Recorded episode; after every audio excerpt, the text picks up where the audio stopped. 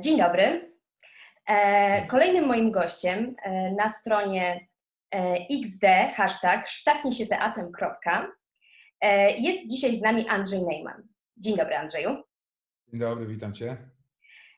Andrzej Neyman, dyrektor Teatru Kwadrat w Warszawie, aktor teatralny, filmowy, telewizyjny, dubbingowy, reżyser, również tłumacz.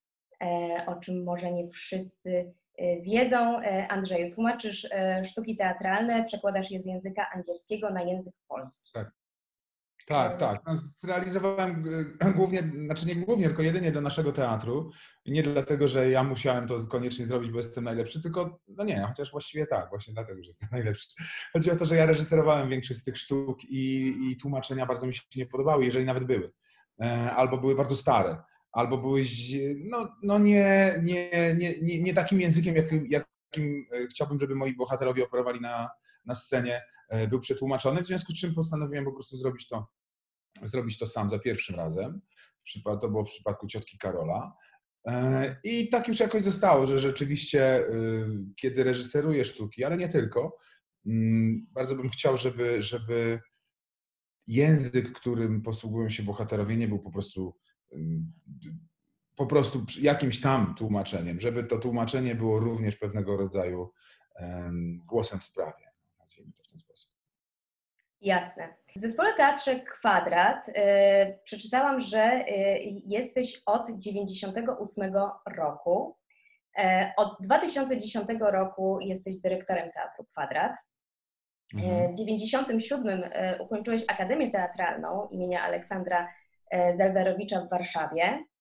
E, pierwsze swoje kroki na ekranie, e, no to były dość młode kroki, bo z tego co przeczytałam, miałeś 8 lat. Tak, tak, tak. Wiecie co, ja mam gdzieś nawet z, z, zrzut, znaczy nawet nie to nie jest zrzut ekranu, to jest jakieś zdjęcie, które mi ktoś kiedyś przysłał E, film, film był zatytułowany Rozalka Ola Boga. Ja tam grałem takiego Felka Miecucha, miałem rzeczywiście 8 lat i to podobno gdzieś czasami jakieś powtórki tego lecą. To jest taki mini serial pięcio, pięcioodcinkowy. E, gdzieś to można podobno zobaczyć. Ja tego nie widziałem chyba nigdy, e, ale ktoś mi przysłał zdjęcie, zaraz spróbuję je jakoś gdzieś tam znaleźć. Jak wyglądałem wtedy, kiedy, kiedy o, o, to jest to zdjęcie, sekundę, jestem. O. Oh my god. Niezłe, co? Niezłe. taki, taki sobie biegałem z krową, no i to byłem ja. Takie czasy były. Tak, tak, tak. No zacząłem rzeczywiście dosyć wcześnie, ale później nie miałem nic wspólnego z, z telewizją czy z filmem, bo mieszkałem we Włocławku, gdzie nie było e, większych szans, żeby, żeby biegać. Dlatego był przestój, dlatego był przestój. No być może tak, ale ja też nie, nie miałem jakichś takich wielkich ciągów. Znaczy ja y, rzeczywiście uczestniczyłem zawsze w jakichś działaniach kół, kółek recytatorskich, kółek teatralnych, yy, nie wiem, uczestniczyłem w akademiach yy, szkolnych. To tak, to zawsze, zawsze jakoś nawet w Domu Kultury Włocławskim też się jakoś tam udzielałem, ale żeby zawodowo się z tym wiązać, to nigdy mi to wcześniej do głowy nie przyszło. Dopiero jak pojechałem na na drzwi otwarte do, do jeszcze wtedy Państwowej Wyższej Szkoły Teatralnej Namiotową, żeby towarzyszyć koleżance. Sylwia chciała bardzo być aktorką i, i jechała na, na drzwi otwarte. To jest, to, to, to jest taki jeden dzień, kiedy każdy zainteresowany może przyjechać, zobaczyć, jak wygląda szkoła, jak wyglądają zajęcia, poczuć taki smak tej, tej pracy Akademii Teatralnej. E, mi się tam specjalnie jakoś nie, nie, jakoś tam jakoś nie ciągnęła, ale ale Sylwia bardzo potrzebowała towarzysza, do, żeby wyjechać do Warszawy.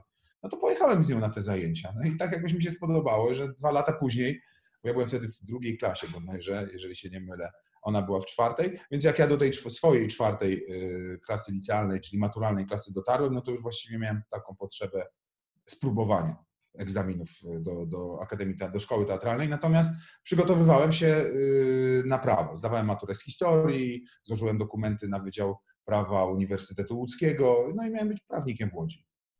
No ale wyszło jak wyszło. Andrzeju, pierwsze pytanie. Co się obecnie dzieje dzisiaj w teatrze e, Kwadrat? E, wiem, że od początku e, tej całej sytuacji e, pandemii bardzo dobrze sobie radzicie. Radzicie z zamknięciem teatrów. Jesteście cały czas aktywnym teatrem, który walczy o tą publiczność, walczy o to, żeby widz o Was nie zapomniał i brał jakiś taki czynny udział.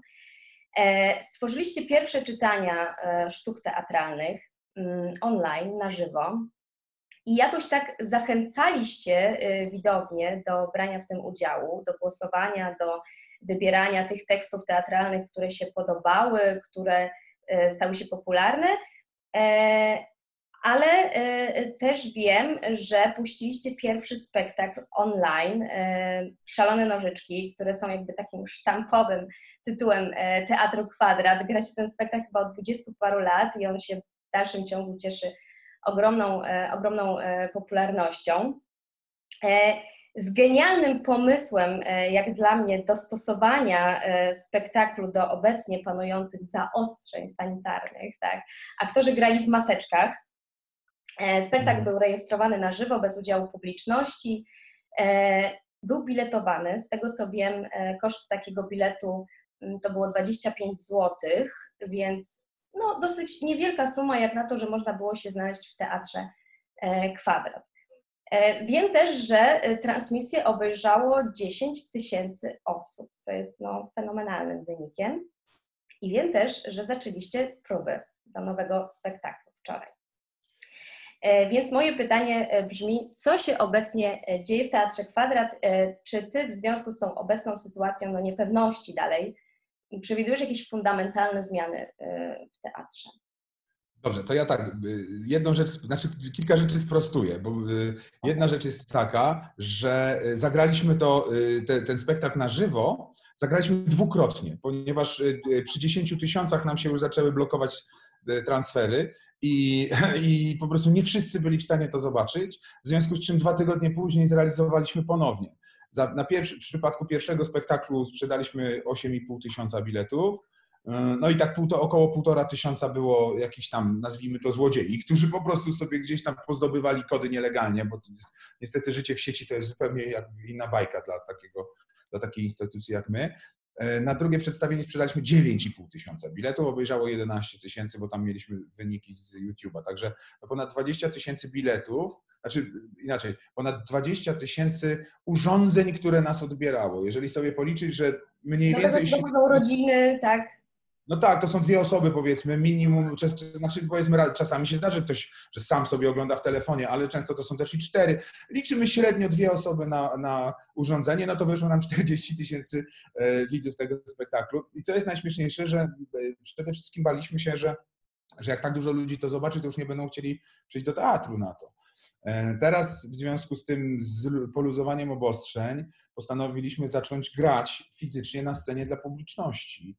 E, I wyobraźcie sobie, że na, na, nożyczki właśnie sprzedały się już wszystkie bilety, bo mamy za, za, tydzień zaplanowane nożyczki i na to, co się baliśmy, że już nikt nie będzie chciał e, tego oglądać, już wszystko się sprzedało. Także wbrew pozorom to, te, te, działania online rzeczywiście nam napędzają sprzedaż, mimo że bardzo dużo rzeczy robimy za darmo.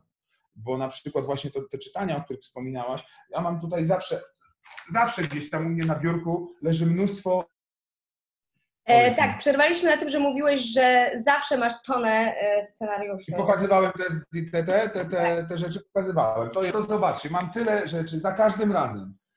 E, kiedy mnie odwiedzacie, to na biurku leży coś takiego. Bierze się to z tego, że no, no szukamy kolejnych e, propozycji repertuarowych na naszą scenę. E, niektóre spektakle są za, za mało widowiskowe, żeby je prezentować widzom Teatru Kwadrat na scenie dłużej. Y, widzowie kwadratu, Angelika, wiesz, bo grasz w jednej z takich sztuk, gdzie rzeczywiście pokazujemy trzy mieszkania, trzy sypialnie na jednej scenie, sytuacje zmieniają się jak w kalejdoskopie, nasi widzowie są do tego przyzwyczajeni. Są te takie sztuki, które są po prostu na to zbyt y, kameralne, a znów nasza scena kameralna, która może pomieścić y, maksymalnie 100 widzów, czasami nie, nie, nie przynosiłaby wystarczających zysków finansowych. E, z, z, z grania spektakli na przykład cztero czy pięcioosobowych. No, czyli takie spektakle pięcioosobowe, które są jednocześnie dość kameralne w formie, e, są, są dla nas, dla, dla kwadratu nie do wzięcia. I tak pomyśleliśmy sobie, że skoro nie możemy ich grać na scenie, to może fajnie byłoby je po prostu na przykład właśnie ludziom przeczytać. Po to, żeby, żeby e, dać im trochę radości, bo myśmy nie liczyli w związku z tym na żadne zyski, zresztą z tego zysków nie ma. Natomiast chcieliśmy po prostu utrzymać, to na pewno, utrzymać tę naszą przyjaźń i komunikację z widzem, ale też naprawdę altruistycznie z, i to z głębi serca mogę powiedzieć, że chcieliśmy po prostu spędzić ten czas z, z naszymi widzami. I stąd się wzięły te czytania. Na razie przeczytaliśmy tuzin takich sztuk, będzie ich prawdopodobnie dużo więcej, bo, bo kiedy w, już zaczęliśmy napomykać o tym, że, e, że wracamy na scenę normalnie do sprzedaży zwykłych biletów, to pojawiło się mnóstwo próśb, żebyśmy nie zaprzestali e, czytania sztuk online, więc będziemy to robili, jeżeli oczywiście autorzy będą się na to zgadzać. A jeżeli y, wspomniałaś też o próbie, którą wczoraj mieliśmy, to uwaga, to nie była próba nowego przedstawienia, bo z tym jeszcze się wstrzymujemy, nie wiemy kiedy będziemy mogli odbyć premierę. To była próba wznowieniowa do sztuki, którą już zagraliśmy wczoraj dla widzów. Myśmy się wczoraj spotkali z widzami. Tak jak my teraz rozmawiamy, to jest. Graliśmy już przedstawienie, przyszło 100, 120 osób. E, rozsadzaliśmy ich w szachownicy, co drugie miejsce było puste, wszyscy mieli maseczki. Dzisiaj też za, za godzinę wychodzę na scenę i zagramy znów przedstawienie nie Książka zdobi człowieka dla 140 czy tam 150 osób. E, to jest dosyć dziwne. My jesteśmy przyzwyczajeni do pełnej sali, e, wypełnionej po brzegi jak wiesz zresztą, Angelika, ale a, a, a tutaj no, tak, no mamy... To chyba musi się tak wydawać, prawda? Się, wydaje się dosyć, to, to, to, to, dosyć dziwne, ale jednocześnie jest to bardzo wzruszające, bo to jest takie poczucie, że ludzie, y, że, że ludzka sympatia do nas jest silniejsza niż ich strach przed, przed y, chorobą, y, przed zarażeniem wirusem i tak dalej, że, że ci ludzie naprawdę mają taką potrzebę, żeby się z nami spotkać. To jest dla nas wielka, wielka radość. Super, a właśnie jeśli mówimy o e, tych widzach e, Teatru Kwadrat, kto jest dzisiaj widzem e, Teatru Kwadrat? Zmierzam do tego, że każdy teatr przyciąga jakąś grupę odbiorców, mniej zdefiniowaną bądź bardziej zdefiniowaną, ale przez wiele lat prosperowania Teatru Kwadrat na pewno ta grupa się już jakoś zdefiniowała. No my ją cały czas rozszerzamy w dół, to znaczy y, kiedy ja pracowałem w teatrze, tak moją pierwszą dziesięciolatkę, kiedy graliśmy na Czackiego, to rzeczywiście średnia widza naszego to była tam 45 lat, mniej więcej. Bilety były zawsze drogie, w związku z czym rzeczywiście bardzo dużo e, naszych widzów było takich no po 40. Ale ja też y, nie, nie, tylko to, że wprowadziliśmy bilety ulgowe, ale też, że można kupować wejściówki i nawet posiedzieć na schodach, ale móc uczestniczyć takim wydarzeniu, jakim jest spektakl teatru, to rzeczywiście spowodowało, że od strony przynajmniej y, zasobów pieniężnych ci nasi młodzi widzowie mogą sobie pozwolić na, na odwiedzenie kwadratu. Do tego, do tego jeszcze y, nasze propozycje repertuarowe Y, są coraz bardziej przeznaczone dla, dla widzów, nawet nastoletnich, bo tak jak tak ciotka Karola, jak i Trzy Sypialnie, to są, to są y, spektakle, które dwudziestolatkowie naprawdę bardzo lubią, ale nawet zdarza się bez problemu, że pojawiają się piętnastolatkowie i się nie nudzą i bardzo dobrze bawią. My jesteśmy teatrem rozrywkowym, w związku z czym trudno jest y, doprecyzować grupę docelową, bo rozrywki potrzebuje każdy. E, I my dzięki temu akurat rzeczywiście jesteśmy w stanie dotrzeć do całego, do pełnego wachlarza e, e, widzów, czy, czy, czy, czy pewnego wachlarza reprezentantów naszego społeczeństwa. Mamy i profesorów akademickich, i nie wiem, robotników, czy, czy rolników. Tak naprawdę każdy, kogo, no mimo wszystko trzeba to powiedzieć głośno, kogo stać na bilet. I kto się chce rzeczywiście dobrze zabawić. No, przy, czym my, przy czym muszę tutaj powiedzieć, że pewnego rodzaju, może nie erudycja, ale pewnego rodzaju wykształcenie jest w przypadku naszego teatru potrzebne. To znaczy my w naszych dowcipach, w naszych żartach często wykorzystujemy e, pewne znaki kulturowe, które, które jeśli nie są zrozumiałe, to po prostu żart nie jest, nie jest zrozumiały. E, I tak jak e, mamy kolegów grających w teatrach prywatnych, nie chcę podawać ich, y, ich nazw, bo, bo nie chciałbym też ich jakoś tak publicznie krytykować, ale y, repertuar w tych innych, tych niektórych teatrach jest bardzo burleskowy, bym powiedział. Tak? On o kwadracie kiedyś, kiedy nie było teatrów prywatnych, kiedyś się wtedy mówiło, że właśnie teatr kwadrat to jest takim teatrem bulwarowym dla prostej, niewysublimowanej rozrywki. Więc teraz u nas się to już troszeczkę zmieniło. Ta, ta rozrywka jest coraz bardziej jednak e, wymagająca, mm, ponieważ te, te, te, te, te lukę po nas, którą pozostawiliśmy, natychmiast zapełniły teatry, teatry prywatne które no jako, jak, jak to zwykle w biznesie nastawione są na zysk przede wszystkim, a w związku z tym e, korzystają z, z zasobów finansowych widzów, którzy, którzy, się, którzy potrzebują tej rozrywki bardzo prostej. My akurat y, staramy się jednak mimo wszystko jako teatr miejski, chcemy nawet poprzez rozrywkę teatralną, ale jednak edukować widza, przygotowywać go do spotkania z trudniejszymi e, propozycjami scenicznymi, czy to u nas, czy, czy u naszych kolegów, nie wiem, w dramatycznym, w rozmaitości, czy w nowym. Jestem przekonany, zresztą mam to napisane też w, nasz, w mojej misji i strategii dla Teatru Kwadrat, że gdyby nie nasza działalność y, Teatru Kwadrat, tego czasami e, oglądanego z przymrużeniem oka przez naszych kolegów z teatrów e, czysto dramatycznych, to gdyby nie nasza działalność, to oni by mieli znacznie mniej widzów. To jestem o tym przekonany że my jesteśmy tym przednówkiem, my jesteśmy tym, tym, tym, no kiedyś może przedszkolem, teraz już szkołą podstawową, może nawet średnią, przy, która przygotowuje do tego, żeby, żeby widz w teatrze trudnym yy, był w stanie się odnaleźć. Andrzeju, mm, konsumowanie sztuki teatralnej e, uczy y, kreatywnego myślenia, uczy perspektywy dla innych, w ogóle na inne, na obce. E, uczy związku jakiegoś takiego przyczynowo-skutkowego e, danych zachowań, danych, danych okoliczności. Zrobiłam to, dlatego jest to i to, coś uruchamia, coś, uruchamia coś i tak mhm. dalej, i tak dalej. Zmusza nas ten teatr do zastanowienia się nad tym światem. Patrzymy E, do patrzenia na ludzi w ogóle z innych perspektyw, tak? E, czy lubimy tę postać, czy jej nie lubimy? Widownia się zastanawia na przykład na takich trzech sypialniach, dlaczego ta Bożena mnie tak irytuje, dlaczego ona jest tak wkurzająca, nie?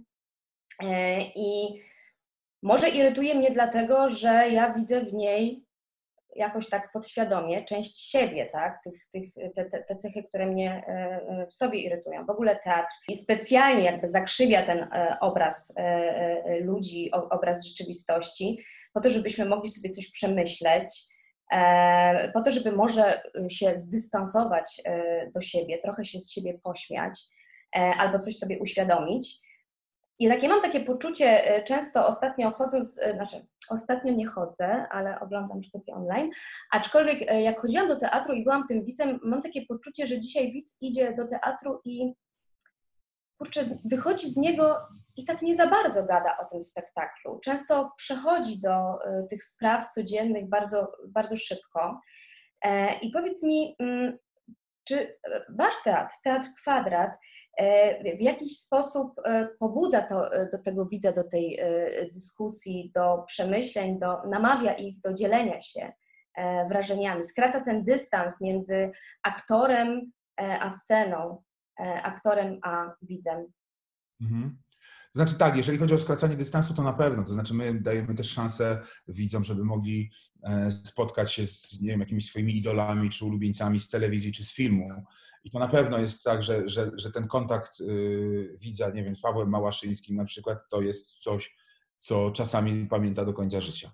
Natomiast jeżeli chodzi o, o yy, podnoszenie ważnych problemów życiowych, to my jako teatr roz, rozrywkowy, jeśli chodzi o, o nasze działanie flagowe, to, to nie, mamy, nie mamy takich ambicji, ale to tylko pozornie. To znaczy zależy nam na tym, żeby widz się po prostu przede wszystkim dobrze bawił. A zdarza się bardzo często, że y, tematy czy konflikty, w, jaki, w jakich stawiamy naszych y, bohaterów, że one jednak są poruszające i one jakoś zostają, bo nawet jeżeli się z kogoś śmiejemy, to znaczy, że że nas y, w jakiś sposób zainteresował, zaintrygował. Jego działanie nas zaskoczyło, bo śmiech jest bardzo ściśle związany z zaskoczeniem. E, I, i, i, tak, zdarza się, że rzeczywiście, że ludzie że ludzie sobie rozmawiają na, na, na temat rzeczy, które widzieli na naszej scenie, ale ja bym nie oczekiwał od widzów, że, że po wyjściu z teatru kwadrat będą w spokoju i w ciszy siedzieć i kontemplować, albo na przykład e, prowadzić zagorzałe dyskusje na temat e, dylematów bo, moralnych bohaterów, bo po pierwsze to nie jest taki repertuar, a po drugie my e, w ogóle chyba jako społeczeństwo, czy jako społeczeństwa coraz bardziej przeskakujemy z jednego tematu na drugi. Po prostu jesteśmy już w tym takim multitaskingu, czyli w tej wielozadaniowości na co dzień. Cały czas e, ludzie już teraz ze sobą potrafią rozmawiać, jednocześnie prowadząc samochód i wysyłając SMS-a, co zresztą jest zabronione, ale e, po prostu Boże drogi, nawet jak idziemy, przepraszam, na sedys siadać, to, to przy okazji sprawdzamy maile albo, albo, nie wiem, albo zamieszczamy posta na Facebooku, bo nawet spotkanie w spokoju na, na kilka minut czymś tak naturalnym jak defekacja, to już jest dla nas za mało. Że już musi być, już się musi dziać coś więcej. E, I stąd ludzie wychodzący z teatru już myślą o tym, aha, jutro idę do pracy, czy ja teraz muszę jeszcze złapać taksówkę, czy mój Uber już przyjechał, czy jest mój stolik zarezerwowany w dobrej części sali, e, gdzieś tam w restauracji później i tak dalej, i tak dalej. My cały czas zajmujemy się mm, realizowaniem mikrozadań codzienności. I bardzo trudno jest przytrzymać widza na te dwie godziny. My jak mamy spektakl, który ma dwie godziny, 10 minut, to już się martwimy, że, że, że, że już zaczną przebierać nogami pod koniec, bo, bo to, już jest, to już jest za długo. To już jest, to jest troszeczkę tak jak z dziećmi, e, gdzie wiadomo, że dziecko nie może mieć zajęć e, w przedszkolu dłuższych niż tam bodaj, nie pamiętam, 25 minut, tak. a, a dzieci w szkole nie więcej niż 30 w pierwszych klasach, to się tam przesuwa i tak dalej a potem dopiero na studiach tak naprawdę można prowadzić wykłady półtora godzinne. I to jest podobnie z, z teatrem, że coraz, coraz rzadziej e, udaje się tego widza złapać na dłużej niż, niż, niż spektakl. Ale żeby też nie być znów tak pesymistycznym, jestem przekonany, że te takie flashbacki, takie, takie yy, mikroscenki e, potrafią się pojawiać w naszych emocjach, w naszych głowach, gdzieś tam w rozmaitych sytuacjach. Czyli nawet jeżeli ja nie mam jakichś głębokich przemyśleń w tym momencie wychodząc z tego teatru, to, to być może za dwa czy trzy dni stanę przed jakąś sytuacją życiową, która, która w, jakiś, w jakimś sensie będzie symilarna do tego, co, się, co, co, co widziałem i, i, i, tam, i, tam te rozwiązania mogą mi się przypomnieć. I rzeczywiście tak się często zdarza, że ludzie sobie wspominają na przykład komedię, i to nawet nie mówię o teatrze, ale, ale też o filmie. Wielokrotnie gdzieś tam w jakichś rozmowach mówimy, a ty, a pamiętasz, a w tym filmie to coś tam, to oni tak zrobili i tak. Czyli to, to wszystko, co się dzieje w teatrze, zostaje na pewno w głowie. A to, że nie jest na bieżąco komentowane, no to chyba już jest znak czasu. Mhm. E, Andrzej, chciałabym nawiązać trochę e, do młodych ludzi, bo w tym moim projekcie mm, trochę mi o nich chodzi. Mhm. E, młode pokolenie dzisiaj, mm, pierwsze informacje w ogóle, które otrzymuje o teatrze, mm, otrzymuje je w szkole. Oczywiście nie mówię o takich wyjątkach, jak mój tata jest aktorem, mama aktorką albo tata reżyserem. To są takie no, no, rzadko zdarzające się sytuacje. Mhm ale szkoły zabierają e, młodzież na szkolne spektakle, na podstawie lektur. E, mm, I rozmawiałam z moją e, poprzednią rozmówczynią, Aliną Krzyżewską, bo ona się zajmuje bardzo tematem szkoły, o tym, że dzisiaj w zasadzie teatr dzieli się na ten teatr dla dorosłych, dla dzieci, czyli te bajki, i gdzieś pomiędzy jest teatr lekturowy, teatr edukacyjny, bo wiemy, jak ten teatr edukacyjny wygląda i często jaki poziom e, reprezentuje. I później e, myślę sobie, że taka Ania czy taki Tomek, wychodząc z tego teatru, trochę mogą się do niego zniechęcić, bo sobie pomyślą, że teatr to jest hała, że teatr nie potraktował mnie poważnie, e, że teatr nie do końca był na takim poziomie, jaki ja bym sobie pomyślał, że potraktowałby mnie w sposób konstruktywny, tak, wiarygodny. E, czy teatr dziś próbuje dotrzeć e, do tego młodego widza, który nie wie, że ten teatr w ogóle może go zainteresować? Co to jest? To jest pewna, przede wszystkim chyba kwestia uczciwości e, zawodowej. bo to, to, to, nie jest chyba aż tak istotne, czy my robimy akurat lekturę szkolną, czy, czy, czy coś, co jest, co, co poza ten kanon lektur wykracza. To jest ważniejsze jest chyba to, że bez względu na to, kto płaci, to jednak jest jakiś przelew finansowy, przepływ gotówki. Czyli ja, wychodząc na scenę, dostaję od tych dzieci pieniądze. Nieważne, czy to one płacą z swoich kieszonkowych, czy to rodzice płacą, czy to y, tam ten, y, są jakieś te, te, te, komitet rodzicielski, czy to szkoła, czy to ministerstwo. To jest bez znaczenia. Ja wykonuję pracę, a ci młodzi widzowie na, na, na, na, na widowni to są moi klienci. I oni zasługują na szacunek na samym starcie, bo oni mnie zatrudniają, choćbym był nie wiem jaką gwiazdą. Jeżeli tego, jeżeli o tym zapominamy, to w tym momencie rzeczywiście może dochodzić do, do, do rozmaitych nadużyć, powiedzmy, e, w, w przypadku realizacji spektakli teatralnych. Tylko no to jest troszeczkę jak z, jak z, z naciągactwem. No, to jest, y, jeśli ktoś jest raz czy dwa y, oszukany, to już za trzecim razem oszukać się nie da. I podobnie jest z teatrem. Jeżeli my będziemy źle, nieuczciwie, niemoralnie traktowali naszych widzów, e, będą, będą dla nas po prostu właśnie, nie wiem, portfelami, który, które trzeba y, wydrenować, to ten widz dwa, trzy po dwóch czy trzech razach zrezygnuje z, z uczestnictwa w tego typu wydarzeniach i za, my, my za trzy, cztery lata nie będziemy mieli pracy. Jeżeli ktoś tego jako, jako aktor, jako reżyser, jako producent, dyrektor teatru, jeżeli tego nie rozumie, y, to, to znaczy, że już ciemne chmury nad nim wiszą. Ja na przykład jako dyrektor teatru rozrywkowego bardzo obawiam się przedstawień takich, takich prywatnych, y, dom, domorosłych spektaklików, które jeżdżą po całej Polsce. Y, ja rozumiem, że ludzie muszą zarabiać pieniądze, ja to doskonale rozumiem i, i absolutnie nie jestem przeciwny temu, tylko dopóty, dopóki to jest robione w pełni uczciwie i z szacunkiem do widza, to wszyscy na tym zyskują. Natomiast ja się, dlaczego jestem na to czas często zły, że, że mam świadomość, że wielu widzów po obejrzeniu dwóch czy trzech takich no właśnie hochsztaplerskich wykonań po prostu już więcej nie przyjdzie, nawet na Teatr Narodowy albo Teatr Kwadrat. E, tego się bardzo boję. I jeżeli my nie będziemy pielęgnować e, najmłodszego widza, za chwilę nie będzie miał kto chodzić do teatru. Więc my, nie, my, my akurat jako Teatr Kwadrat nie, nie, nie graliśmy nigdy bajek i nie graliśmy spektakli takich lekturowych dla młodzieży. Yy, od wielu lat próbujemy, myślimy o tym, żeby zacząć to realizować, ale za każdym razem są jakieś tam inne wyzwania, no teraz koronawirus, wcześniej jakieś tam inne sprawy. No, cały czas mamy, jesteśmy też niedofinansowani, więc, więc yy, różne tam tego typu rzeczy się martwimy, ale, ale te spektakle, o których tam już wcześniej wspomniałem, które są już przygotowywane również z myślą o młodzieży, to one rzeczywiście to są spektakle, dorosłe spektakle, które młodzież może oglądać. I to jest moim zdaniem, to jest najfajniejszy kierunek. To znaczy, nie, no poza, poza spektaklami stricte dziecięcymi, te lektury szkolne, e, już takie dla szóstej, siódmej, ósmej klasy, już nie mówiąc o, o liceum, to są, to, to są tak naprawdę książki może nie dla dorosłych, co książki dorosłe, napisane mądrze, które, są, które mają konstrukcję e, literacką dorosłą. I dlatego tak samo dorośle trzeba do nich podejść, jeśli się je realizuje na scenie.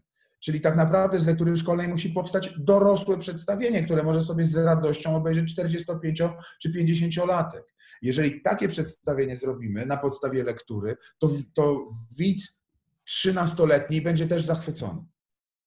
A jeżeli będziemy sobie zakładać, że a dobra, nieważne, i tak będą musieli na to pójść, jak w naszym miasteczku będzie, będzie, nie wiem, jakaś tam szkolna lektura, to i tak wszystkie szkoły na to pójdą, czy to będzie dobre, czy złe, no to efekt jest tego taki, że nawet szkoły w pewnym momencie przestaną na to chodzić, nawet nauczyciele przestaną te dzieci na te spektakle zabierać. I no ja jestem wielkim wrogiem tego, tego, te, tego podejścia, że, że lekturami łatamy sobie dziury budżetowe w teatrze to, to, to, to, tak, to, to nie tędy droga. Trzeba realizować spektakle, które, z których będziemy dumni jako teatr. A to, że jest przeznaczony dla szkoły, to jest zupełnie, kompletnie niezależna sprawa. Spektakle dla dorosłych, które mogą być również przeznaczone dla młodzieży. Super. E, pytanie jeszcze, a co ze spektaklami, które mm, mogłyby e, odpowiadać na takie pytania młodego człowieka, bo takie spektakle też są potrzebne, nie? E, żeby, żeby go jakoś z tym teatrem oswoić. Czy teatr porusza tematy, z którymi e, młodzi ludzie się jakoś utożsamiają? Chodzi mi o to, czy one poruszają takie tematy, które mogą odnieść do siebie, do, y, do swojej młodości, wiesz, do, do, do tego okresu, kiedy musisz sobie odpowiedzieć na pewne pytania w głowie, kim ja w ogóle jestem, e, dokąd ja zmierzam i czego ja chcę, ale dla siebie, nie dla innych, czego ja chcę, bo wiesz, świat dzisiaj trochę nie pomaga w odpowiedzi na to pytanie, tak? Świat mówi, możesz być każdym, możesz być kim chcesz po prostu. Żeby poczuć się częścią tego teatru, żeby w ogóle ten teatr był dla niego istotny, bo tak sobie myślę, co mnie w ogóle interesuje Mickiewicz, co mnie interesuje Słowacki, co mnie interesuje Orzeszkówna, skoro ja w ogóle jestem pogubiony sam ze sobą, nie? I najpierw muszę sobie odpowiedzieć na moje prywatne pytania. Mhm. Wiesz, no to jest, y, to trochę nie jest do końca do mnie pytanie, no bo jednak prowadzę teatr rozrywkowy, w którym jest Jasne, to... ale pytam Cię jako... Y, tak, tak, ja rozumiem, rozumiem. Y, wiesz, w kulturze. Na pewno, tylko że problem, problem, problemy są dwa. Tak naprawdę to jest jeden. Kto ma tworzyć te, te, te propozycje? Bo tak naprawdę to są propozycje, które powinny być realizowane przez Y, młodych ludzi, mówię 20-30-latków, którzy może już w tej dorosłości są, ale są od niedawna i jeszcze są bardzo świeżo y, po tych y, rozterkach tego wieku szczenięcego. I tak naprawdę, tak jak kiedyś Dorota Masłowska, prawda, stworzyła, stworzyła, stworzyła nawet język, który był tak, odzwierciedleniem tego młodzieńczego żywiołu. E, I ja jestem głęboko przekonany, że, że y, w dużej mierze działania domów kultury, lokalnych domów kultury, e, to jest coś, co mogłoby bardzo, bardzo y, wspomóc takie, y, ten, ten rozwój teatralny później młodzieży, bo, bo, bo ja pamiętam, że sam będąc y, nastolatkiem uczestniczyłem w zajęciach tego, tego Domu Kultury we Włocławku. Realizowaliśmy takie jakieś spektakle teatralne, y, gdzie zbieraliśmy różne teksty i kompilowaliśmy je do jakichś, y, żeby móc, e, e, nie wiem, eksplikować nasze emocje. I pamiętam, że mnóstwo naszych kolegów przychodziło na to właśnie dlatego, że to byli nasi koledzy, dlatego, że my byliśmy dzięki temu dla nich wiarygodni. Ja miałbym wielki problem, żeby, nie wiem, y, zachęcić, nawet nie zachęcić, bo to by może nie było problemem, ale zaproponować Żmudzie Trzewiatowskiej, czy Małaszyńskiemu, y, czy nie wiem, Pawłowi Wawrzeckiemu, żeby zrobili coś o rozterkach y, nastolatków, bo, bo wystawiłbym ich, moim zdaniem, na bardzo niezręczną sytuację bycia niewiarygodnym. Moim zdaniem dwudziestolatkowie, nie wiem, studenci akademii teatralnych, y, świeżo upieczeni, upieczeni absolwenci powinni szukać szans e, zarówno finansowych, jak i, nie wiem, przestrzennych do tego, żeby realizować rzeczy skierowane bezpośrednio do, do, do widzów nastoletnich. Wtedy, wtedy jest moim zdaniem wielka szansa, że, że dla tego nastolatka to, co będzie widział na scenie, będzie wiarygodne. Tak mi się wydaje, ale tak jak mówię, no my jako teatr e, rozrywkowy możemy myśleć o, nie wiem, użyczeniu sali do porannych tego typu działań na przykład, ale, no, ale raczej my jako, my, my do tego, do naszego repertuaru, repertuaru tego wkładać nie będziemy. Chociażby dlatego, że nie można też robić wszystkiego. Ja uważam, że teatry, teatry które są sprofilowane, yy, lepiej służą społeczeństwu. Naprawdę, naprawdę w to szczerze wierzę. Mhm. E, a powiedz mi, a jakbyś znalazł jakiś taki uniwersalny język dotarcia do tych nastolatków? To jest oczywiście, mm, ja pytam e, Cię i to jest pomysł, który ma być dla mnie, mhm. Ja, Angelika Kujawiak, e, co ja mogę zrobić więcej? Jak znaleźć ten uniwersalny język dotarcia do tego nastolatka w mediach społecznościowych, typu TikTok na przykład, który jest takim modnym medium dzisiaj?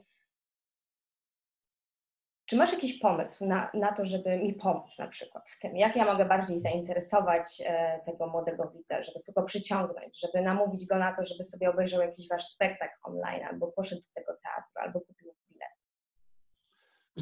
To, co jest najważniejsze moim zdaniem, to każdy młody człowiek, a przede wszystkim właśnie, właśnie młodzi ludzie, każdy młody człowiek musi, e, musi czuć, że coś zyskuje. Jest, ja się bardzo denerwuję, jak moja córka na przykład ogląda TikToka. Mnie to strasznie irytuje, bo ja zawsze mam wrażenie, że ona po prostu bezsensownie traci czas. Traci czas. E, ale no też jak sobie myślę, no ja też kiedyś traciłem czas na jakieś inne rzeczy, nie było telefonów komórkowych, ale, ale też traciliśmy czas. Siedzieliśmy na trzepaku i gadaliśmy bzdury, tak? No i dobrze, no można powiedzieć, że budowaliśmy czy kreowaliśmy naszą świadomość społeczną na przykład, tak? Siedząc przy śmietniku, akurat nasz trzepak był przy śmietniku. Często przy śmietniku są trzepaki. E, e, z jednej strony, a z drugiej strony, no to ona też w pewnym sensie tworzy jakąś nowoczesną formę komunikacji społecznej, tworzy, uczestnicząc w niej nawet jako widz. Więc e, tak, no na, na pewno, na pewno y, media społecznościowe, czy inaczej, czy, czy, czy media przenośne, bo to głównie mówimy teraz tak naprawdę o telefonach komórkowych, to jest ogromna siła. To jest ogromne, to jest, nie, to jest medium, którego nie wolno za, jakby zaniedbywać, czy nie, nie, nie wolno lekceważyć, bo to jest medium, które nawet, nawet teraz już teatry, nawet nasz, te, nasze, nasze spektakle online były, były też na pewno oglądane przez, przez telefony, przez wielu ludzi. E, ale jak, jak za, zachęcić teraz młodego widza, żeby popatrzył na coś dłużej niż 45 sekund? No ja muszę teraz stworzyć, rozumiesz? Ja muszę teraz stworzyć takie filmy, żeby zainteresować tego młodego człowieka tym teatrem. I to jest strasznie trudne. To oczywiście musi być komediowe, to musi być w jakimś takim klimacie humoru, tak, żeby nie na poważnie, tylko przez przypadek powiedzieć o teatrze, żeby... Jakoś... Tak. Ja myślę, że to jest wiesz, no, myślę, że na przykład rozmaitego rodzaju making-offy, to one zawsze są, są, ciekawe dla ludzi. To znaczy ja na przykład z ogromną radością zobaczyłbym, jak się, wy, nie wiem, wytapia, e, wytapia stal w hucie, tak? Jakby jakiś hutnik wrzucił na TikToka, jak on tam tą surówkę wy, wy, wylewa, to ja bym z, z ogromną ciekawością to zobaczył.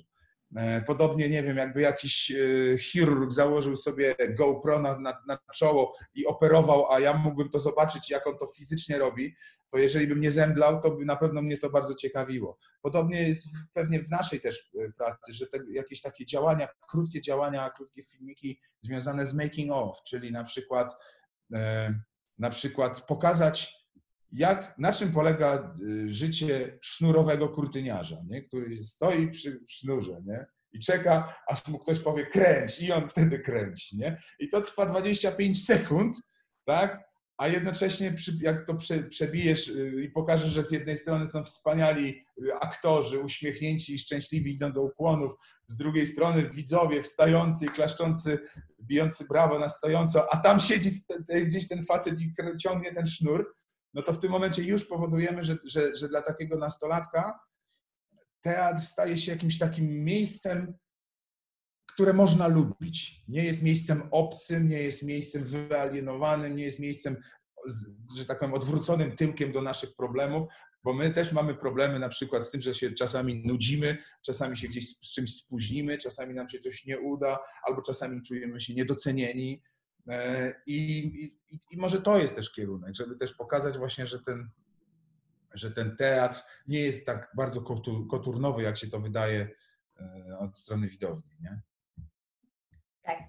A masz w głowie jakieś takie e, tytuły spektakli, może jakąś literaturę, coś, coś ostatnio przeczytałeś, obejrzałeś, albo coś, co kiedyś było, na co natrafiłeś? I rzeczywiście mm, można powiedzieć, że to był taki trochę przełom przeczytałeś, e, przewartościowałeś coś, zatrzymałeś się na chwilę, coś takiego, co naprawdę miało dla Ciebie znaczenie? Wiesz co, ja miałem dwie takie rzeczy w życiu. Jedno to było, jak miałem lat, nie wiem ile, 13 może, może 13. Byłem wtedy w drużynie e, piłki ręcznej i nasz trener był bardzo, no on był trenerem wicemistrzów Polski, juniorów, więc to naprawdę on był bardzo wymagającym człowiekiem i bardzo pilnował, żebyśmy się dobrze uczyli. Pamiętam, że, a ja byłem przeciętnym piłkarzem ręcznym, żeby było jasne. E, I pamiętam, że w tej wielkiej grupie siedzących na parkiecie chłopców, e, ja pamiętam, że on zadał pytanie, czy ktoś z Was zna książkę Winnetou?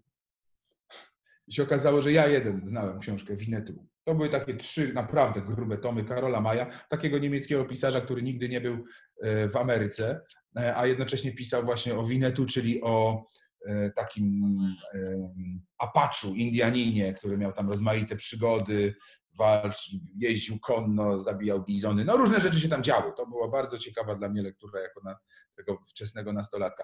I teraz do czego zmierzam? To niby był wielki, to, to kompletny banał. Jak mojego syna próbowałem teraz zachęcić do winetu, nawet znalazłem mu książkę starą, taką z tego, to samo wydanie, które ja kiedyś czytałem. On po czterech czy pięciu stronach powiedział, ojciec, w ogóle to jest jakiś bez sensu, ja nie jestem tym w ogóle zainteresowany. I dobra, no trudno, ale ja pamiętam, że wtedy po raz pierwszy zrozumiałem, że że edukacja przynosi korzyści, że czytanie książek daje wymierne korzyści. Ja w oczach tego trenera e, stałem się partnerem do rozmowy, a, a wśród tych chłopaków nagle stałem się liderem zespołu. Tylko dlatego, że przeczytałem jakąś książkę. I to rzeczywiście spowodowało, że, że, że to czytanie książek było dla mnie czymś więcej niż tylko poznawaniem jakichś historii, że, to, że ja czułem, że rozwijając się w tym kierunku staje się tą elitą, która teraz w Polsce nie jest zbyt popularna, ale moim zdaniem kiedyś jeszcze znowu będzie. Że erudycja, że, yy, że jakiś, jakaś znajomość, czy to literatury, czy, czy, czy historii powoduje, że jesteś dla ludzi ciekawszym, ciekawszą osobowością. I to była ta jedna, ten jeden przełom. A drugi przełom był tam znacznie później, kiedy byłem nastolatkiem i zorientowałem się, że nie ma nikogo takiego, kto by tak czytał Norwida. Chociaż to nie jest tak, że ja byłem jakimś wielkim fanem Norwida, ale po prostu nie wiem, czy znalazłem na niego jakiś klucz. I, i, i rzeczywiście czułem, że jak ktoś czyta Norwida, to to jest nie do słuchania. A jak ja czytam Norwida, to wszyscy się zachwycają. Nie mną, tylko Norwidem. I to ja nie wiem, czy to nie spowodowało, że, że, że jestem aktorem. Bo to są, że, że umiejętność e, poradzenia sobie z trudną poezją, e, czyli umiejętność przekazania jednocześnie niezwykłości, e, niezwykłości formy, jaką jest rym i rytm, i jednocześnie prze, prze, przekazanie czytelnie emocji, które, które towarzyszyły prawdopodobnie twórcy podczas pisania, jeżeli te dwie rzeczy nie są w konflikcie, tylko są, są, wspierają się nawzajem, to, to tworzymy rzeczywiście naprawdę niesamowity i głęboki, docierający do wszystkich przekaz. A bardzo często jest tak, że, że nawet, nawet wykształceni aktorzy, żeby móc przekazać myśl, niszczą rym, rym i rytm, czyli formę wiersza.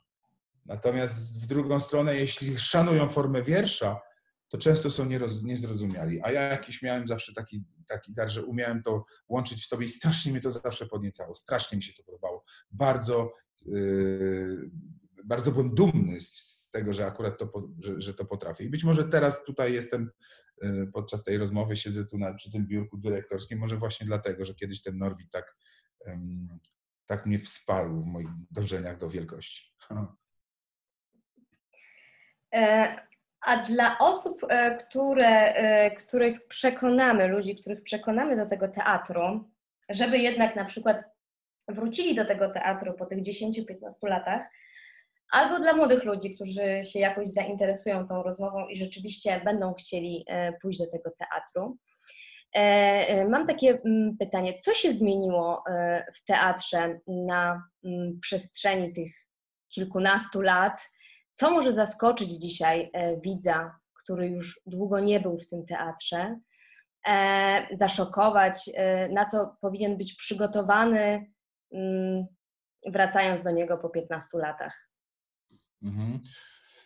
No, to zależy też od, oczywiście od formy i konstrukcji przedstawień, bo to też często jest tak, że, że nadużywanie środków wyrazu artystycznego jest po prostu błędne ale to, co zauważyłem w, w rozmaitych spektaklach y, też naszych kolegów w innych teatrach, to jest bardzo duża, duże wykorzystanie środków y, technologicznych teraz, czyli y, projekcji, czyli, czyli mm, świateł LEDowych, które tam bardzo, w bardzo łatwy sposób zmieniają konstrukcję, że tak powiem, wizualną sceny no oczywiście mikroporty. To, mikroporty stały się jednym z wielkich przełomów w teatrze.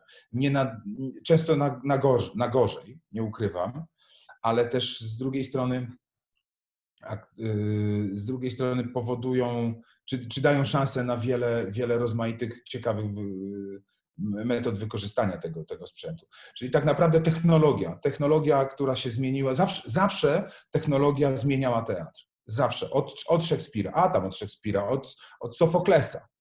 Zawsze najważniejszym problemem, czy problemem, no tak, najważniejszym czynnikiem wpływającym na formę teatralną była technika. Czy jesteśmy w stanie, jak jesteśmy w stanie pokazać las? Tak? Jak, a jak z lasu przejść do piwnicy? I teraz jak to zrealizować? Jak świecić?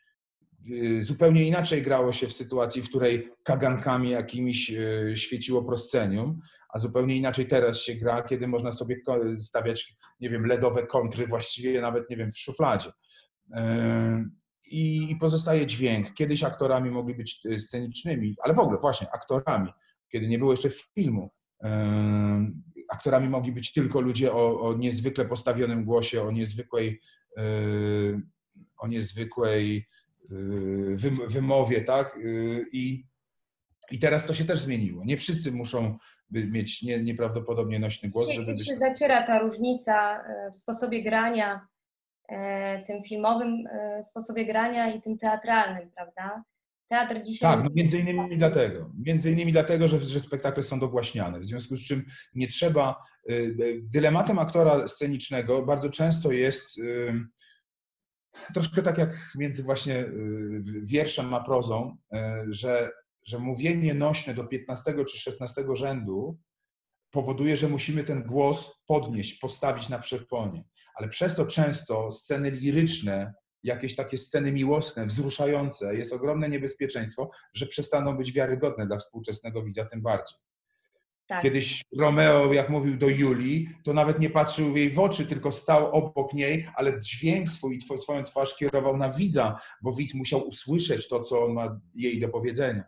Teraz można już pokusić się o, o, o naprawdę bardzo intymne, e, realistycznie intymne sceny w teatrze, które, które do tej pory były, były niemożliwe. Ale ja akurat my w kwadracie, jak wiesz, nie używamy Y, środków dźwiękowych dodatkowych. I, I, ra, i radzimy, sobie, radzimy sobie. Bo my uważamy na przykład, że potrafimy połączyć intymność i, i nośność dźwięku, bo to jest też coś, co, co jest, e, powinno, mam nadzieję, być jakoś ekscytujące dla widzów, że nie każdy może to zrobić, co my robimy na tej scenie, że nie każdy jest w stanie mówić głośno, już nie mówię krzyczeć, mówić głośno przez dwie godziny i na koniec mieć e, zdrowy, zdrową krtań, tak? nie, nie wylądować w szpitalu i robić to codziennie wieczorem.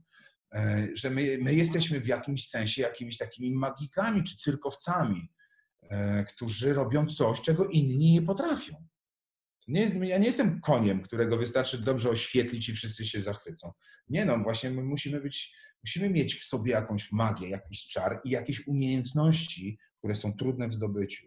Bo bez tego, no to rzeczywiście, no to i ty możesz zostać aktorem. No teraz miej tylko 400 tych lajków na Instagramie i właściwie grasz w każdym filmie, bo do tego nam to teraz dochodzi. Już nie podam konkretnego nazwiska tej y, niby aktorki, ale rzeczywiście coś takiego jest i to mnie doprowadza do szału, bo, no bo nie po to człowiek poświęca całe życie, żeby posiąść jakąś taj, tajemną wiedzę, żeby na koniec ktoś powiedział, a mnie w ogóle mnie ta twoja wiedza nie interesuje, ja tam chcę mieć szybko, łatwo i przyjemnie, raz, dwa, trzy i, i do domu. Nie?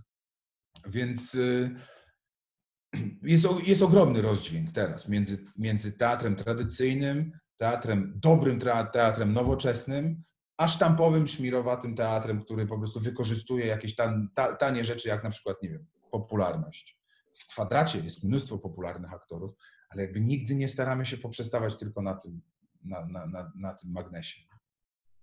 Jasne. E, jasne. Gdybyśmy jeszcze tak szybko mogli porozmawiać o tych e, takich mitach, e, złych wyobrażeniach właśnie jeszcze z czasów szkoły, on, albo o na przykład o najczęściej popełnianych gafach przez widownię. E, widownia oczywiście nie robi tego specjalnie, ale są takie rzeczy, które na przykład może nikt im nigdy nie powiedział, nie wytłumaczył, nie opowiedział o tym, że mm, no, nas pewne rzeczy też wytrącają z równowagi podczas e, grania e, spektaklu, bądź tuż po, mam na przykład na myśli kolejkę do szatni. Hmm. Szybciutko spektakl się kończy, widownia, klasztor, jeszcze idziemy to. No to jest okropne, tak, to jest, to, jest, to jest okropne, bo my jednak poświęcamy ogromną ilość czasu i, i, i energii. Ja rozumiem, jesteśmy zapłaceni, tak? I ci, i ci widzowie ten, ten bilet kupili, mają prawo wyjść, a szczególnie na przykład, jeśli im się nie podobało. Ale mm, jakby ten, te, te, to, to, to, spotkanie, już oficjalne spotkanie publiczności z, z, z aktorami po, e, po spektaklu, czyli mówię o ukłonach, kiedy ja rzeczywiście czasami widzę, że ludzie już biegną, żeby być pierwsi e, do, do szatni, to sobie myślę, bo, że znaczy, aha, bo, ale ba, to jest ważne jest to, że im się, im się podobało. Tylko oni jakby nie mają potrzeby jeszcze chwilę, zostańmy jeszcze chwilę, nie? Jest troszeczkę tak, jakbyśmy posiedzieli u kogoś na kawce i no, no dobrze, no ale to my już idziemy. No i ten gospodarz, ale ja mam jeszcze szarlotkę. O, to już tam spokojnie, to daj mi na wynos, nie? To jest troszeczkę, to jest troszeczkę tak, no dla nas aktorów yy, widownia jest jakimś rodzajem rodziny. No i teraz jak ta rodzina nam szybko chce uciekać, E, no to jest nam tak smutno. Nie mam, nie mam pretensji, ale jest, jest, jest mi przykro. Ale tam jest, jest kilka takich rzeczy, których, których nie powinno się robić, a, a, ludzie robią. No już o telefonach to już nie wspomnę, tak? Ja już nie mówię o tym, że nie wyłączają, ale na przykład, że, że yy, sprawdzają sobie, nie wiem, na przykład sprawdzają, która jest godzina. Niby banał ale jak ja widzę, że ktoś sprawdza coś w telefonie w trakcie spektaklu, a widzę, bo jego, jego twarz jest oświetlona na niebiesko i on nagle jeden, jedyny widzę, go. To znaczy, że mu się nie podoba. To jest tak? widoczne, to jest widoczne. Tak, znaczy ja, ja, go nudzę, no bo tak, jeżeli sprawdza, która jest godzina, no to znaczy go nudzę. No chyba, że ma pociąg i się zaczyna martwić, czy zdąży, bo tak się też czasami zdarza. Ktoś się spodziewał, że spektakl trwa godzinę 40, mija go, już druga godzina, a tu ciągle grają, tak? No i rzeczywiście to się czasami też zdarza. Już nawet kiedyś w, w jakimś teatrze e, przy spektaklu scenariusz dla czterech aktorów Szefera. E, tam jest tak, tak wymyślone, że, że, że są cztery czy jest pięć puent. Ta sztuka się nie, nie może skończyć. Jakaś pani, co akurat była na wycieczce takiej, co się zwiedza najpierw, e, najpierw Mm, nie wiem, Pałac Kultury, potem Pałac na Wodzie, gdzieś tam się jedzie do Wilanowa, no i na koniec do teatru. No i trafi do teatru i oni tam chłopaki kończą trzeci raz, czwarty raz, nie mogą skończyć. I pani normalnie krzyknęła z widowni, ludzie, no kończ to już, bo ludziska głodne są. I, i to jest, no to, ale no to takie rzeczy się zdarzają dosyć rzadko. Zdarza się nam też, że ktoś nas filmuje, tak? To strasznie przeszkadza. To, jest, to dramatycznie przeszkadza, bo, bo y, obiektyw, nawet obiektyw telefonu ja jestem w stanie zobaczyć z widowni, ze sceny.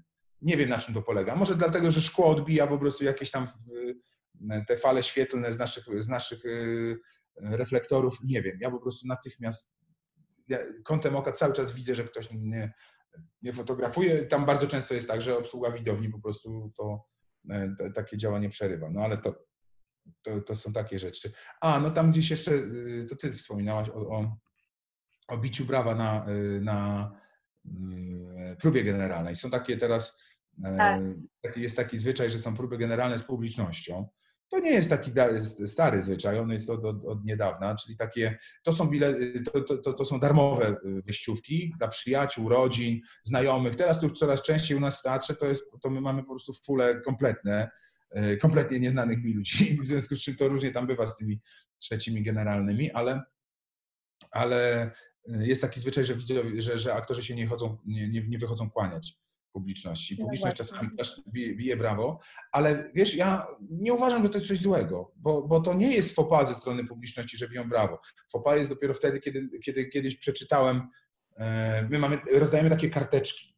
Ja to z, z, co prawda z kina z Los Angeles ukradłem ten pomysł, że, że widzowie piszą, co im się w danym spektaklu podobało, co im się nie podobało. Jest jeszcze czas, jest trzecia generalna, mamy jeszcze dobę do spektaklu, do premiery, może jeszcze coś będzie takiego, co, co moglibyśmy poprawić i różne, różne rzeczy piszą. Ale no właśnie jak na przykład ja kiedyś przeczytałem na kilku karteczkach, że widz był jakiś oburzony, że, że aktorzy nie wyszli mu się ukłonić. On bił brawo, a aktorzy nie wyszli się ukłonić. Jak sobie pomyślałem, o Boże, no to to już jest przesada, bo to... E, no bo to jest taki zwyczaj, no nie wychodzimy dziękować za coś, co jest jeszcze nie, niewykonane, bo wykonane będzie dopiero jutro na premierze. Nie? Jasne, ale mi się wydaje, że właśnie takie rzeczy wynikają z tej niewiedzy, wiesz, z tego, że nikt e, o tym właśnie nigdy nie opowiedział, tak, jak, jak, jak, jak to jest. Może tak. No, to znaczy, wiesz, bo to jest tak, że w latach 60., 70. zachowanie w teatrze było czymś oczywistym. Wiadomo było, że, że, że nie wolno iść w swetrze, tak? Nie, nie, nie, nie chodzić no w dresie do teatru. Właśnie, teraz już chcą, no teraz już jest trochę jak w kinie. No. Jak ja mam się dzisiaj ubrać do tego teatru? Masz się ubrać ładnie. Mhm. Masz się ubrać ładnie. Masz się ubrać A mogę tak, założyć jeansy i sweter? Możesz założyć jeansy i sweter. W dzisiejszych czasach możesz założyć jeansy i sweter, no chyba, że to jest premiera, albo idziesz do opery, albo do Teatru Narodowego, bo to też jest troszeczkę co innego. Możesz założyć jeansy i sweter, tylko chodzi o, o, o to, czy ty uważasz, że jesteś ładnie ubrana. Czy, czy, czy, czy ty swoim ubraniem nie lekceważysz mnie jako twojego gospodarza. To znaczy, czy ty byś w tym poszła do, nie wiem, do, do pana profesora na przykład, y, nie wiem, na, na korepetycję, tak? Y, czy tak byś się ubrała do niego na korepetycję? Jeśli byś się tak ubrała do niego na korepetycję, to możesz przyjść w takim razie do, do teatru. Tak mi, tak mi się wydaje. No jeżeli, ale, a jeżeli przyjdziesz w brudnym, wyświechtanym dresie, no to, no to znaczy, że po prostu mnie lekceważysz, tak? Ja nie jestem taśmą celuloidową wyświetlaną na ekranie, tylko jestem żywym człowiekiem, który, który poświęcił jakiś czas, żeby, żeby ci te dwie godziny jakoś tam zająć, więc po prostu to doceń. I tyle. To z, z, tym, z tym no, to też się, też się zmienia, też się zmienia. Na przykład w, w Stanach e, czy, czy w Londynie na West Endzie nie ma szatni, nie? Ludzie wchodzą do, do, na, na salę widowiskową, wchodzą w kurtkach, wchodzą z kubkami z, piciem plastikowymi, z butelkami z wodą i tak dalej. I to w tej, no właściwie no w sercu e, światowego te, teatru, jakim jest West End na przykład, tak? to jest zupełnie naturalne. No u nas to jest nie do, nie do pomyślenia, jak mogłoby nie być, no właśnie, nie wiem, szatni. Teraz, teraz w tym koronawirusie, teraz mamy na przykład taką dyrektywę jedną e, z, z tych zasad bezpieczeństwa sanitarnego, że szatnie są nieczynne i trzeba, i ludzie mają sobie wnosić te swoje kurtki. No jest, jest lato, w związku z czym to się raczej nie zdarzy, ale e, że mają z kurtkami wchodzić na widownię. Ale w Polsce to było w ogóle nie do pomyślenia. W kinie tak było kiedyś. Znaczy bywało, no nadal chyba jest, nie no jest, nadal jest tak w kinie. Do kina się idzie z kurtką i z popcornem, no. A w, w Anglii się do teatru też się idzie z kurtką i popcornem. A w Polsce jednak nadal, na szczęście nie. E, jaka jest średnia cena biletu? Za ile mogę kupić dzisiaj bilet? Bo jest taki mit, że teatr jest drogi. No tak, znaczy to zależy, no wiesz, no 90 zł kosztuje bilet y, w, znaczy tak, no my mamy różne, różne stawki za różne spektakle. Jeżeli spektakl jest nowiutki, świeżutki i bardzo popularny, no to najdroższy bilet kosztuje chyba 120 zł, a najtańszy na ten sam spektakl kosztuje bodajże 80 zł. Przy czym, jeżeli jesteś studentem albo uczniem, albo emerytem, to możesz go kupić za 45 zł czy 40 zł. Na schodach możesz usiąść za 30.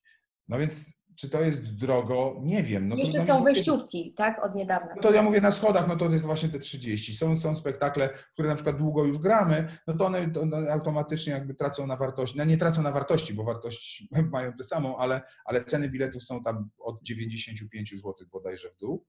Mm, I taki spektakl można, jak się jest emerytem albo, albo y, y, studentem, uczniem, to Miejsce można kupić za 40 zł wtedy. No to to jest niewiele więcej niż w kinie, gdzie, umówmy się, obsługuje nas trzy osoby, tak? Bo, bo w kinie masz ścianę, na której wyświetlasz coś, co już dawno zostało gdzieś zrobione, tak? I przysłane teraz internetem. A my tutaj fizycznie przyjeżdżamy, żywi ludzie, pracujemy codziennie realizujemy te, te, dany spektakl. Na dole są garderobiane, które przygotowują codziennie nasze kostiumy, są fryzjerzy y, i tak dalej, i tak dalej. Są techniczni pracownicy, którzy przygotowują oświetlenie, budują dekoracje, to wszystko trzeba jakoś docenić również finansowo, tak? No, to, to, to moim zdaniem 100 zł za bilet na żywo w teatrze nie jest problemem. No, no, znaczy, jest problemem, jeśli się tych pieniędzy nie ma oczywiście, tak? Natomiast nie uważam, żeby to była cena nieuczciwa, zawyżona. Myślę, że, że, że no, no, no ludzie też powinni docenić, finansowo również docenić to, że, że spotykają się z jakąś czyjąś, z czyjąś żywą ludzką pracą. E, A co jeśli spek- na spektakl e, nie ma już biletów? E, Sprawdziliśmy, weszliśmy w repertuar, nie ma już biletów. E, Czy jest jednak szansa, że się dostanę na ten spektakl, bo e, zależy mi tylko na tym terminie, bo tylko dzisiaj mam czas? Marne są szanse. To znaczy, my mamy limitowaną ilość wejściówek. No masz szansę, że. że... Ale są wejściówki, że y, mam No to na- wejściówki, ale wejściówek znowu nie można rezerwować, tak? To znaczy, że jeżeli Tak, tak, czyli bardzo, wcześniej. jeżeli ci strasznie, strasznie zależy i masz tylko i wyłącznie ten termin i nie ma biletu, to jak przyjdziesz o 14 i będziesz jako pierwsza stała 5 godzin w kolejce, to na pewno na ten spektakl wejdziesz jako, jako pierwsza e, osoba z wejściówką. I rzeczywiście nam się zdarzało czasami, że ludzie, no może o 14 to przesadziłem, ale no załóżmy, że ci bardzo zależy, ale że, że ja przychodziłem do, do, do, do teatru na przykład o 16, graliśmy o 19, o 16 pod ścianą siedzieli sobie ludzie i czytali książki i oni byli w kolejce od, przez 3 godziny, nie? żeby zobaczyć konkretne przedstawienie. To było fantastyczne. To ja nie wiem, czy to nie było, to, to ich poświęcenie tego czasu, e, ja nie wiem, czy nie było dla mnie bardziej nobilitujące niż pieniądze, które ludzie zapłacili w pierwszym rzędzie. Nie? Że, że ktoś może, że komuś może na tobie aż tak zależeć, żeby siedzieć tyle godzin i czekać? Fantastyczne, fantastyczne uczucie. E, i Kolejne takie pytanie dla, e, dla, dla e, młodych widzów. Czy istnieje jakaś strona internetowa, gdzie mogę się dowiedzieć o jakichś takich nowinkach teatralnych, premierach nadchodzących, poczytać sobie jakieś rece- recenzje? No teraz to jest mnóstwo, bo to teraz w internecie to, to ja, ja teraz sobie nie przypomnę, no jest teatr dla was, jest e, kocham teatr, jest mnóstwo. Tak naprawdę to wystarczy, jak komuś zależy, to w 15 minut będzie miał 17 rozmaitych y, portali internetowych czy stron facebookowych, które, które się tym tematem zajmują i, i informują o nowych premierach. Każdy teatr ma teraz swoją, swoją stronę, więc jeżeli mamy, mamy, nie wiem, jakichś ulubieńców aktorów, którzy są na, nie wiem, grają w teatrze współczesnym, albo w kwadracie, albo w komedii, gdziekolwiek, no, w narodowym, no to wystarczy, że będziemy śledzili po prostu stronę Teatru Narodowego. Możemy się też zalogować jako subskrybenci newsletterów. Jak komuś zależy na tym, żeby się czegoś dowiedzieć o teatrze aktualnie, to jest to, no nie wiem, czy zajmie mu to pół godziny, żeby wiedzieć wszystko, co w tym momencie można, y, mo, mo, można zobaczyć. Dziękuję bardzo. Moim gościem był dzisiaj Andrzej Najman. Zrealizowana w ramach programu stypendialnego Ministra Kultury i Dziedzictwa Narodowego Kultura w sieci.